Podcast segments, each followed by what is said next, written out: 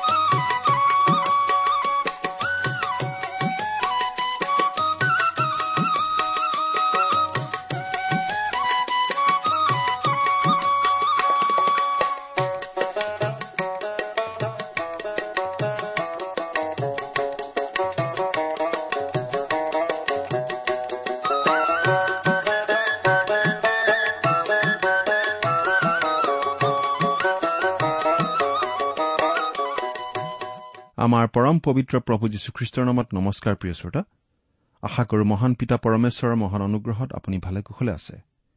আচলতে এই পৃথিৱীত যে আমি জীয়াই আছো আমাৰ জীৱনৰ প্ৰতিটো পলৰ বাবে আমি ঈশ্বৰক ধন্যবাদ দিব লাগে। কিন্তু এই জীৱনৰ সিপাৰে যি অনন্ত জীৱন আছে সেই অনন্ত জীৱন যেন আমি স্বৰ্গত কটাব পাৰো তাৰ ব্যৱস্থা যে ঈশ্বৰে কৰিলে সেইবাবেহে আমি ঈশ্বৰক অধিক ধন্যবাদ দিব লাগে। ঈশ্বৰৰ সেই ব্যৱস্থাৰ কথা আমি তেওঁৰ মহান বাক্য বাইবেল শাস্ত্ৰত পাওঁ। সেই বাইবেল শাস্ত্ৰ সহজ সৰলভাৱে অধ্যয়ন কৰাৰ চেষ্টা আমি কৰো এই অনুষ্ঠানৰ যোগেৰে। আশা কৰো আপুনি আমাৰ এই অনুষ্ঠান নিয়মিতভাৱে শুনি আছে। শুনি কেনে পাইছে বাৰু? কিবা প্ৰকাৰে লাভ হৈছেনে? অনুগ্ৰহ কৰি আমালৈ চিঠি লিখি জনাবচোন। আমাৰ ঠিকনা ভক্তিবচন টি ডব্লিউ আৰ ইণ্ডিয়া ডাক বাকচ নম্বৰ সাত শূন্য গুৱাহাটী সাত আঠ এক শূন্য শূন্য এক। Bhaktibachan T W R India postbox number seventy Guwahati seven eight one zero' zero' one আমাৰ website W W W dot radio' eight eight two dot com আহকচোন আজিৰ বাইবেল অধ্যয়ন আৰম্ভ কৰাৰ আগতে খন্তেক প্ৰাৰ্থনাত মূৰ দুৱাওঁ। আমি প্ৰাৰ্থনা কৰো স্বৰ্গত থকা অসীম দয়ালু কৰোণময় পিতা তোমাৰ প্ৰেমৰ তুলনা নাই। তোমাৰ প্ৰেম তোমাৰ কৰুণা তোমাৰ অনুগ্ৰহৰ কথা আমি বৰ্ণাই শেষ কৰিব নোৱাৰো। প্ৰভু যীশুৰ যোগেদি তুমি আমালৈ যি অনুগ্ৰহ দেখুৱালা তাৰ বাবে তোমাক অশেষ ধন্যবাদ পিতা। এতিয়া আমি তোমাৰ মহান বাক্য বাইবেল শাস্ত্ৰ অধ্যয়ন কৰিবলৈ আগবাঢ়িছো। তোমাৰ বাক্য তুমিয়েই আমাক বুজাই দিয়া পিতা। এই অনুষ্ঠানৰ আৰম্ভণিৰ পৰা শেষলৈকে তুমিয়েই আমাৰ চলাওঁতা হোৱা। অনুষ্ঠান শুনি থকা প্ৰতিজন শ্ৰোতাৰ জীৱনত তোমাৰ মহান অনুগ্ৰহৰ আশীৰ্বাদ প্ৰকাশ পাই উঠিবলৈ দিয়া। তেওঁলোকৰ জীৱন সৰ্বাংগ সুন্দৰ কৰি তোলা। কিয়নো এই প্ৰাৰ্থনা আমাৰ ত্ৰাণকৰ্তা প্ৰভু যীশুখ্ৰীষ্টৰ নামত আগবঢ়াইছো।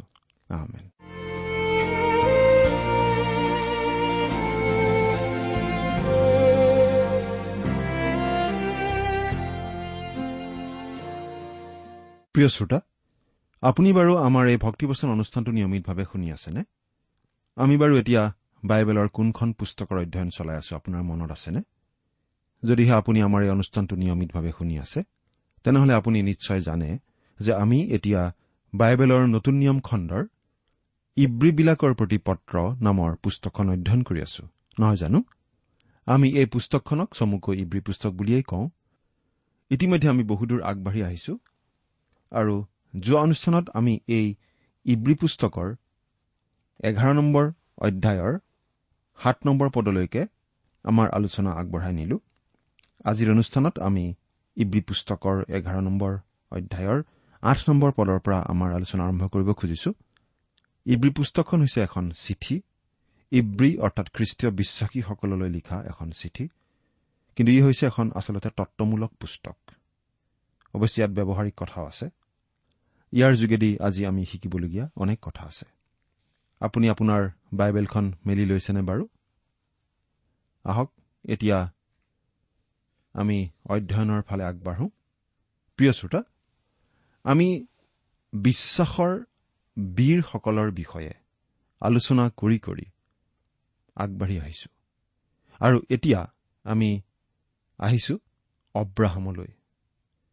অব্ৰাহাম এনে এজন লোক যিজনক বিশ্বাসৰ পুৰুষ বুলি জনা যায়। ঈশ্বৰৰ বাক্যত তেওঁক তেনেদৰেই পৰিচিত কৰাই দিয়া হৈছে। ৰুমিয়াসকললৈ লিখা পত্ৰ আৰু গালাটীয়াসকললৈ লিখা পত্ৰটো অব্ৰাহামকেই বিশ্বাসৰ চূড়ান্ত আদৰ্শ হিচাপে উপস্থাপন কৰা হৈছে। শুভবাৰ্তাকেইখনৰ লিখক কেইজনেও আব্ৰাহামৰ বিষয়ে উল্লেখ কৰিছে। আনকি আমাৰ প্ৰভু যীশুখ্ৰীষ্টইও অব্ৰাহামৰ বিষয়ে এই বুলি কৈছিল চাওকচোন। তোমালোকৰ ওপৰ পুৰুষ অব্ৰাহামে মোৰ দিন দেখিবলৈ উল্লাসিত হৈছিল আৰু তাকে দেখি আনন্দ কৰিলে। জোহনে লিখা শুভবাৰ্তাৰ আঠ নম্বৰ অধ্যায়ৰ ছাপন্ন নম্বৰ পদ। সেই অব্ৰাহামত এতিয়া আমি দেখিবলৈ পাম বিশ্বাসৰ আৰাধনা। বিশ্বাসৰ আৰাধনা। আঠ নম্বৰ পদ পঢ়ি দিওঁ। ইব্ৰী এঘাৰ নম্বৰ অধ্যায়ৰ আঠ নম্বৰ পদ। বিশ্বাসৰ গুণে অব্ৰাহাম আমন্ত্ৰিত হলত। অধিকাৰৰ অৰ্থে যি ঠাই পাবৰ আগন্তুক আছে তেওঁ তালৈ ওলাই যাবৰ আজ্ঞা মানিলে আৰু কলৈ যায় তাক নাজানিও ওলাই গ'ল। এই পত্ৰখনত আমি দেখিবলৈ পাইছো যে ঈশ্বৰৰ প্ৰতি আগবঢ়োৱা আৰাধনাই আচলতে ঈশ্বৰৰ প্ৰতি বাধ্যতাৰ সৃষ্টি কৰে। ইয়াৰ পৰাই আচলতে ঈশ্বৰৰ ইচ্ছা অনুসাৰে আমি কাম কৰিবলৈ লওঁ। ঈশ্বৰে যিদৰে বিচাৰে সেইদৰে আমি কাম কৰিবলৈ আৰম্ভ কৰো। ঈশ্বৰৰ প্ৰতি আগবঢ়োৱা আৰাধনাৰ ফলস্বৰূপে। আমি আচলতে মানুহক জোৰ কৰি দাবী ধমকি দি তেওঁলোকক ঈশ্বৰৰ হকে কাম কৰিবলৈ ঠেলি থাকি সময় খৰচ কৰাৰ প্ৰয়োজন নাই। মানুহক অভিৰুচিত কৰাৰ এইটো উচিত ব্যৱস্থা নহয়। কিন্তু মানুহে যদি প্ৰকৃত অৰ্থত ঈশ্বৰক উপাসনা কৰিব পাৰে আৰু যদিহে খ্ৰীষ্ট নামৰ ব্যক্তিজনৰ গৌৰৱ মহিমাৰ অকণমানো বুজি পাব পাৰে তেতিয়াহ'লে তেনে মানুহক ঈশ্বৰৰ হকে কাম কৰোৱাবলৈ নাইবা ঈশ্বৰৰ বাধ্য হিচাপে চলাবলৈ আমাৰ একো অসুবিধা নহ'ব। এই পদটোৰ আৰু আচলতে এই অংশটোৰ সকলোতকৈ গুৰুত্বপূৰ্ণ কথাটো হৈছে আজ্ঞা মানিলে। উপাসনাৰ ফলস্বৰূপেই এই আজ্ঞামনা কথাটো আহে। আদিপুস্তকৰ বাৰ নম্বৰ অধ্যায়ত অব্ৰাহামৰ কাহিনীৰ আৰম্ভণি ঘটিছে। তাত আমি পঢ়িবলৈ পাওঁ যে কলদিয়াবিলাকৰ উৰ অঞ্চলৰ পৰা ওলাই তেওঁ হাৰণলৈ গৈছিল। তেওঁ হাৰণত পলম কৰিলে আৰু তাতেই যথেষ্ট সময় অপচয় কৰিলে। কিন্তু অৱশেষত তেওঁ কণান দেশলৈ গ'ল। যেতিয়া তেওঁ সেই দেশত উপস্থিত হ'ল তেতিয়া ঈশ্বৰে তেওঁক দেখা দিলে। পাঠ কৰি দিম। আদি পুস্তকৰ বাৰ নম্বৰ অধ্যায়ৰ সাত নম্বৰ পদ। পাছে জিহুৱাই অব্ৰামক দৰ্শন দি কলে তোমাৰ বংশকেই মই এই দেশ দিম। তাতে তেওঁ নিজকে দৰ্শন দিয়া জিহুৱালৈ সেই ঠাইতে এটা যজ্ঞবেদী নিৰ্মাণ কৰিলে। তেওঁ যলৈকে গৈছিল তাতেই একোটা যজ্ঞবেদী স্থাপন কৰিছিল। যেতিয়া তেওঁ ছিকিম দেশলৈ গ'ল তাতো এটা যজ্ঞবেদী সাজিলে। যেতিয়া তেওঁ মোৰে উপত্যকালৈ নামি গ'ল তাতো ঈশ্বৰৰ উদ্দেশ্যে এটা যজ্ঞবেদী সাজিলে। অব্ৰাহামে যি যি ঠাইলৈকে গ'ল তাতেই ঈশ্বৰৰ উদ্দেশ্যে যজ্ঞবেদী সাজি গ'ল। ইছৰাইলত হেৰুদ ৰজায়ো বহুত অট্টালিকা আৰু চকুত লগা বস্তু নিৰ্মাণ কৰিছিল। হেৰুদ ৰজাই জিৰচালেমৰ মন্দিৰটো নিৰ্মাণ কৰিবলৈ আৰম্ভ কৰিছিল যদিও সেই কাম সম্পূৰ্ণ নহল। কিন্তু তেওঁ গোটেই দেশখনত ৰাজপ্ৰাসাদ দুৰ্গ আৰু নগৰ কিছুমান নিৰ্মাণ কৰিছিল। কিন্তু তেওঁ আচলতে ঈশ্বৰক প্ৰকৃত অৰ্থত উপাসনা কৰা নাছিল। কিন্তু অব্ৰাহামে যলৈকে গৈছিল তাতেই কেৱল ঈশ্বৰৰ উদ্দেশ্যে যজ্ঞবেদী মাত্ৰ নিৰ্মাণ কৰিছিল। কিন্তু তেওঁ ঈশ্বৰক উপাসনা কৰিছিল আৰু সেই উপাসনাই জন্ম দিছিল বাধ্যতাৰ। তেওঁ ঈশ্বৰৰ উপাসনা কৰিছিল বিশ্বাসেৰে।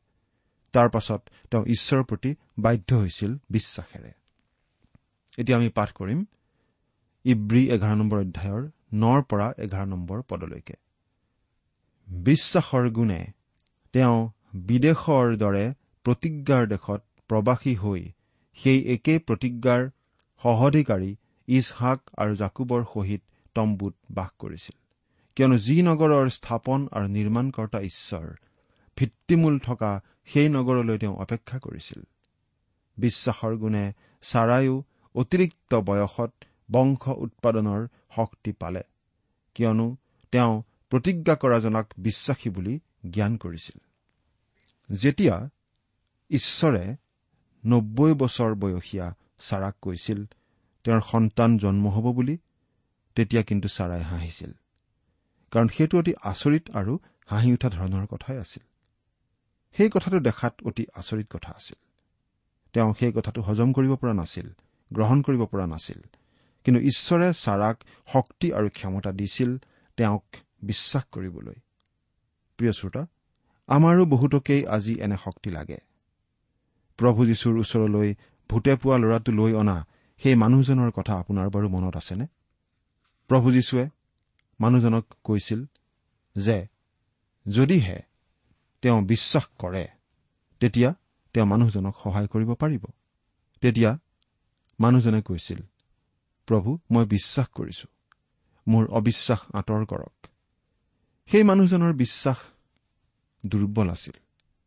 কিন্তু প্ৰভু যীশুৱে নিশ্চয় তেওঁক বিশ্বাস দিছিল কাৰণ প্ৰভু যীশুৱে সেই ল'ৰাজন সুস্থ কৰিছিল। এই ঘটনাটো যদি আপুনি ভালদৰে জানিব খোজে বা আকৌ মনত পেলাব খোজে তেতিয়াহ'লে মাৰ্কে লিখা শুভবাৰ্তা ন নম্বৰ অধ্যায়ৰ সোতৰ নম্বৰ পদৰ পৰা সাতাইছ নম্বৰ পদলৈকে চাওক।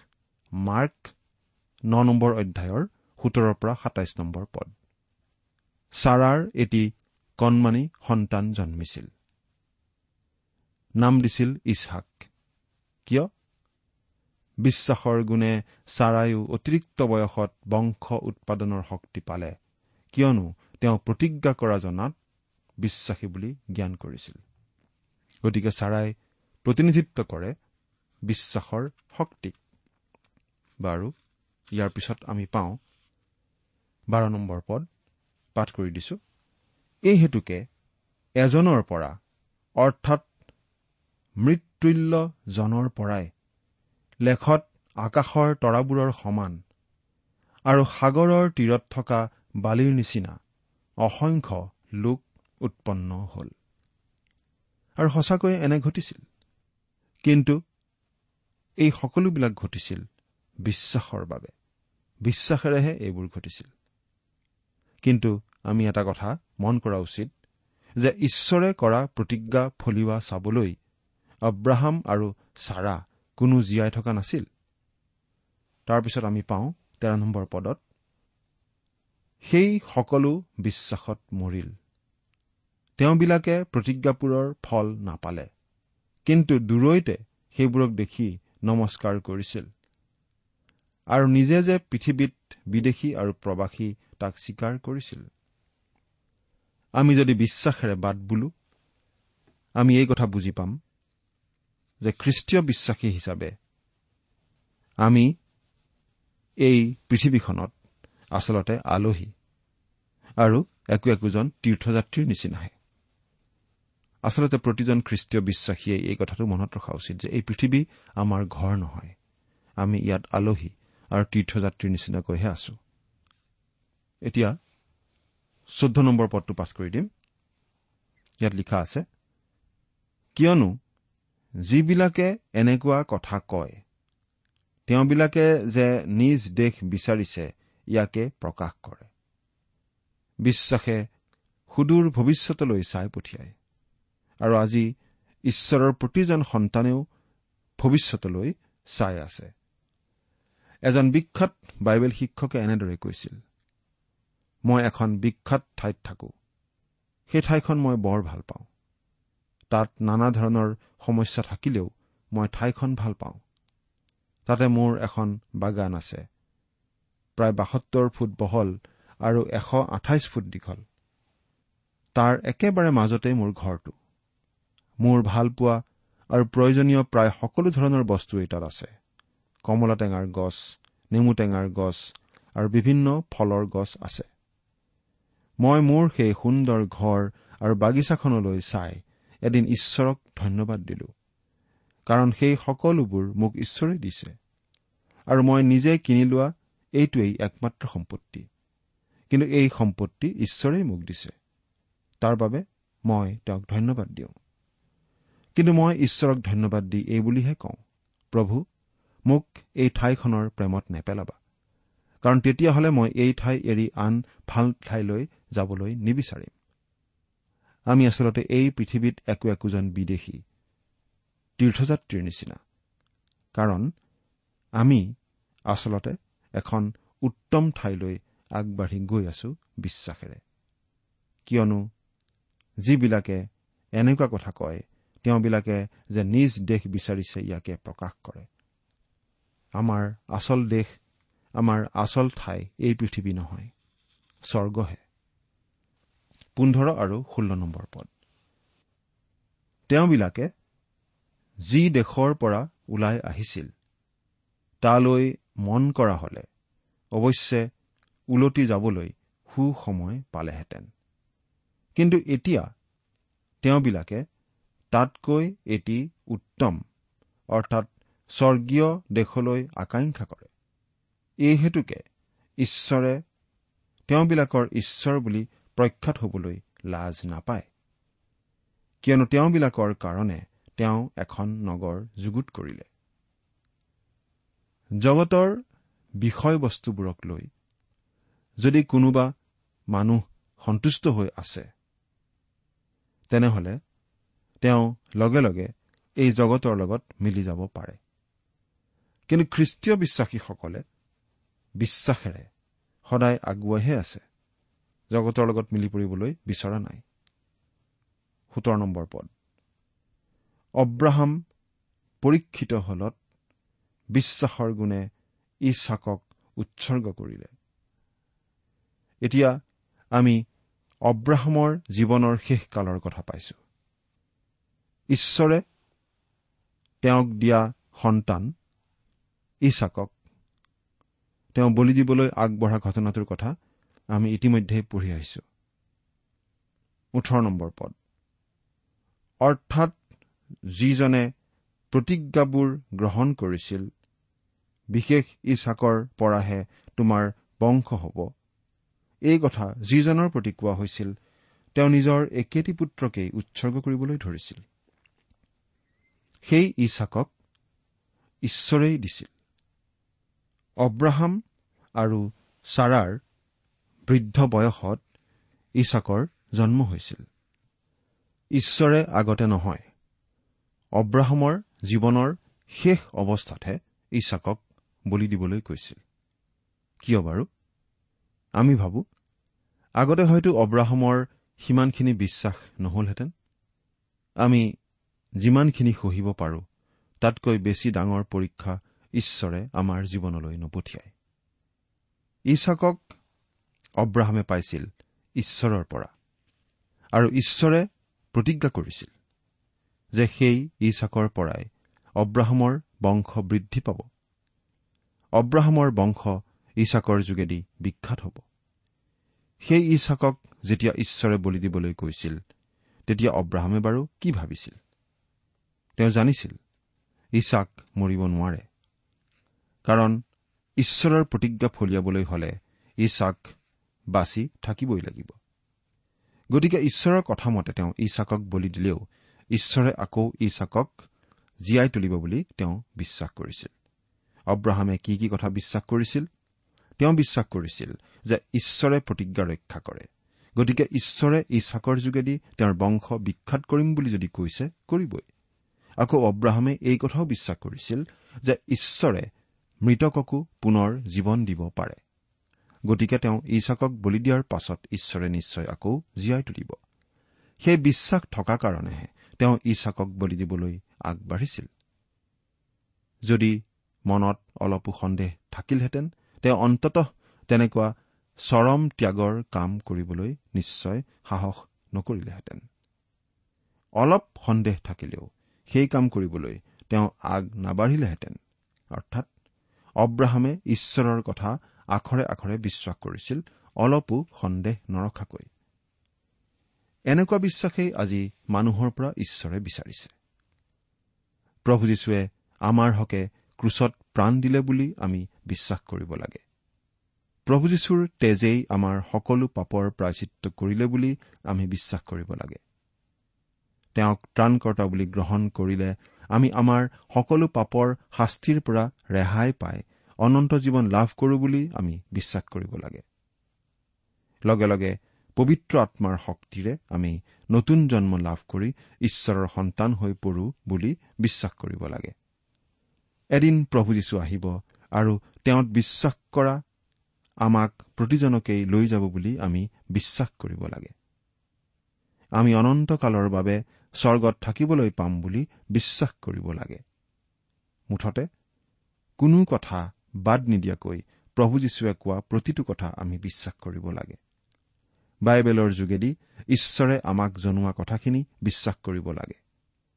মুঠতে ঈশ্বৰে যে মিছা নকয় ঈশ্বৰে যে প্ৰতিজ্ঞা ভংগ নকৰে সেই কথা বিশ্বাস কৰি আমি প্ৰভু যীশুৰ যোগেদি ঈশ্বৰে আমালৈ আগবঢ়োৱা উপহাৰ বিনামূলীয়া উপহাৰ পৰিত্ৰাণৰ উপহাৰ গ্ৰহণ কৰিব লাগে। সেই উদ্দেশ্যেৰেই ঈশ্বৰে আজিও আমাক কথা কৈ আছে। আপুনি বাৰু ঈশ্বৰৰ মাত শুনি আছেনে? তেওঁৰ কথালৈ বাৰু আপুনি কাণ দিছেনে? তেওঁৰ প্ৰতি বিশ্বাসপূৰ্ণ বাধ্যতা প্ৰদৰ্শন কৰিছেনে? অব্ৰাহাম আৰু ছাৰাৰ ঘৰখনৰ নিচিনা আমাৰ ঘৰখন হোৱাটো ঈশ্বৰে বিচাৰে। যদি কিছুমান নীতি নিয়ম মানি চলিলেই আপোনাৰ জীৱনৰ সকলো কঠিন সমস্যাবোৰ নোহোৱা হ'ব বুলি আপুনি ভাবি আছে তেনেহলে সেইটো ভুল কথা। এদিন আপুনি হয়তো দেখিব আপোনাৰ ভাৰ্যাৰ লগত আপোনাৰ তৰ্ক বিতৰ্কও হৈছে। এদিন হয়তো আপুনি দেখিব ঈশ্বৰে আপোনাক দিয়া সন্তানটিৰ পৰাই আপুনি কিবা সমস্যা পাইছে। আপোনাৰ ঘৰখন কোনোমতেই আদৰ্শ ঘৰ নহ'ব। সেই সকলো সমস্যাৰ মুখামুখি আপুনি কেনেকৈ হ'ব? বিশ্বাসেৰে প্ৰিয় শ্ৰোতা বিশ্বাসেৰে। যেতিয়া আমি এনেকুৱা এটা অৱস্থাত উপনীত হওঁ যে আমি আনকি নিজৰ সন্তানকো বেদীত আগবঢ়াবলৈ সংকোচ নকৰো তেতিয়া আমাৰ বিশ্বাস সফল বুলি আমি বুজিব পাৰিম। অব্ৰাহাম আৰু ছাৰাৰ ঘৰখন প্ৰায় তেনেকুৱাই আছিল যি ধৰণৰ ঘৰ আজি আমাৰো থকাটো ঈশ্বৰে বিচাৰে। প্ৰিয় শ্ৰোতা যদিহে আপুনি খ্ৰীষ্টীয় বিশ্বাসী আৰু আপোনাৰ জীৱনত কিবা কিবি সমস্যা আহিছে তেনেহলে আপুনি জনা উচিত যে ঈশ্বৰে আপোনাক কিবা এটা শিকাব খুজিছে। ঈশ্বৰকেই আপোনাৰ শিক্ষক হবলৈ এৰি দিয়ক। বেলেগৰ সহায় ল'ব নালাগে নাইবা কিবা এটা প্ৰশিক্ষণ ললে নাইবা কিবা পঢ়িলে আপোনাৰ সমস্যাৰ সমাধান হৈ যাব বুলি নাভাবিব। আমাৰ জীৱনলৈ সমস্যা আহিবই। কিন্তু যদিহে আমি বিশ্বাসেৰে চলি থাকো ঈশ্বৰেই আমাক নিৰাপদে পাৰ কৰি নিব। অব্ৰাহামৰ বিশ্বাসৰ উপাসনাৰ ফলতেই তেওঁ বাধ্যতাপূৰ্ণ জীৱনৰ জন্ম হৈছিল। আৰু সেইবাবেই তেওঁৰ বিষয়ে বাইবেলত এনেদৰে কোৱা হৈছে অব্ৰাহামে ঈশ্বৰত বিশ্বাস কৰাত সেই বিশ্বাস তেওঁলৈ ধাৰ্মিকতাৰ অৰ্থে গণিত হ'ল। ৰুমিয়া চাৰি নম্বৰ অধ্যায়ৰ তিনি নম্বৰ পদ। আমাৰ ক্ষেত্ৰত বাৰু কি? আমি প্ৰতিজনেই বিশ্বাসৰ গুণত বিশ্বাসৰ বলত ধাৰ্মিক বুলি গণিত হ'ব পাৰোঁ। আপুনি বাৰু প্ৰভু যীশুক বিশ্বাস কৰিছেনে চিন্তা কৰি চাওকচোন ঈশ্বৰে আপোনাক আশীৰ্বাদ কৰক আমেন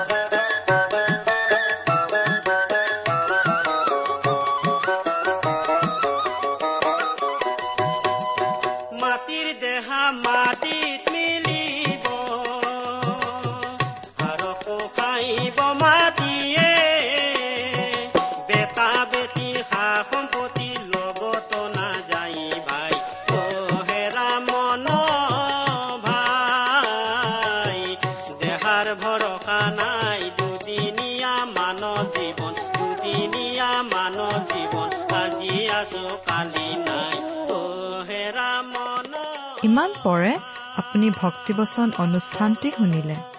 অনুষ্ঠানটি শুনি কেনে পালে আমালৈ চিঠি লিখি জনাবচোন? অনুষ্ঠানত প্ৰচাৰ কৰা কোনো কথা বুজিব লগা থাকিলেও আমালৈ লিখক। আমাৰ ঠিকনা ভক্তিবচন টি ডাব্লিউ আৰ ইণ্ডিয়া ডাক বাকচ নম্বৰ সাত শূন্য গুৱাহাটী সাত আঠ এক শূন্য শূন্য এক। ঠিকনাটো আৰু এবাৰ কৈছো ভক্তিবচন টি ডাব্লিউ আৰ ইণ্ডিয়া ডাক বাকচ নম্বৰ সাত শূন্য গুৱাহাটী সাত আঠ এক শূন্য শূন্য এক। আপুনি ইমেইল যোগেৰেও আমাৰ সৈতে যোগাযোগ কৰিব পাৰে। আমাৰ ইমেইল আইডিটো হৈছে Assamese T TV at radio' eight eight two dot com. আইডিটো আকৌ এবাৰ কৈছো। Assamese T TV at radio' eight eight two dot com. আপুনি টেলিফোনৰ মাধ্যমেৰেও আমাক যোগাযোগ কৰিব পাৰে। আমাৰ টেলিফোন নম্বৰটো হৈছে শূন্য তিনি ছয় এক দুই ছয় শূন্য চাৰি ছয় সাত এক। ফোন নম্বৰটো আকৌ এবাৰ কৈছো zero' three six one two six zero' four six seven one. আজিৰ অনুষ্ঠানটি ইমানতেই সামৰিছো। ঈশ্বৰৰ শান্তি আৰু অনুগ্ৰহ আপোনাৰ লগত থাকক। ধন্যবাদ।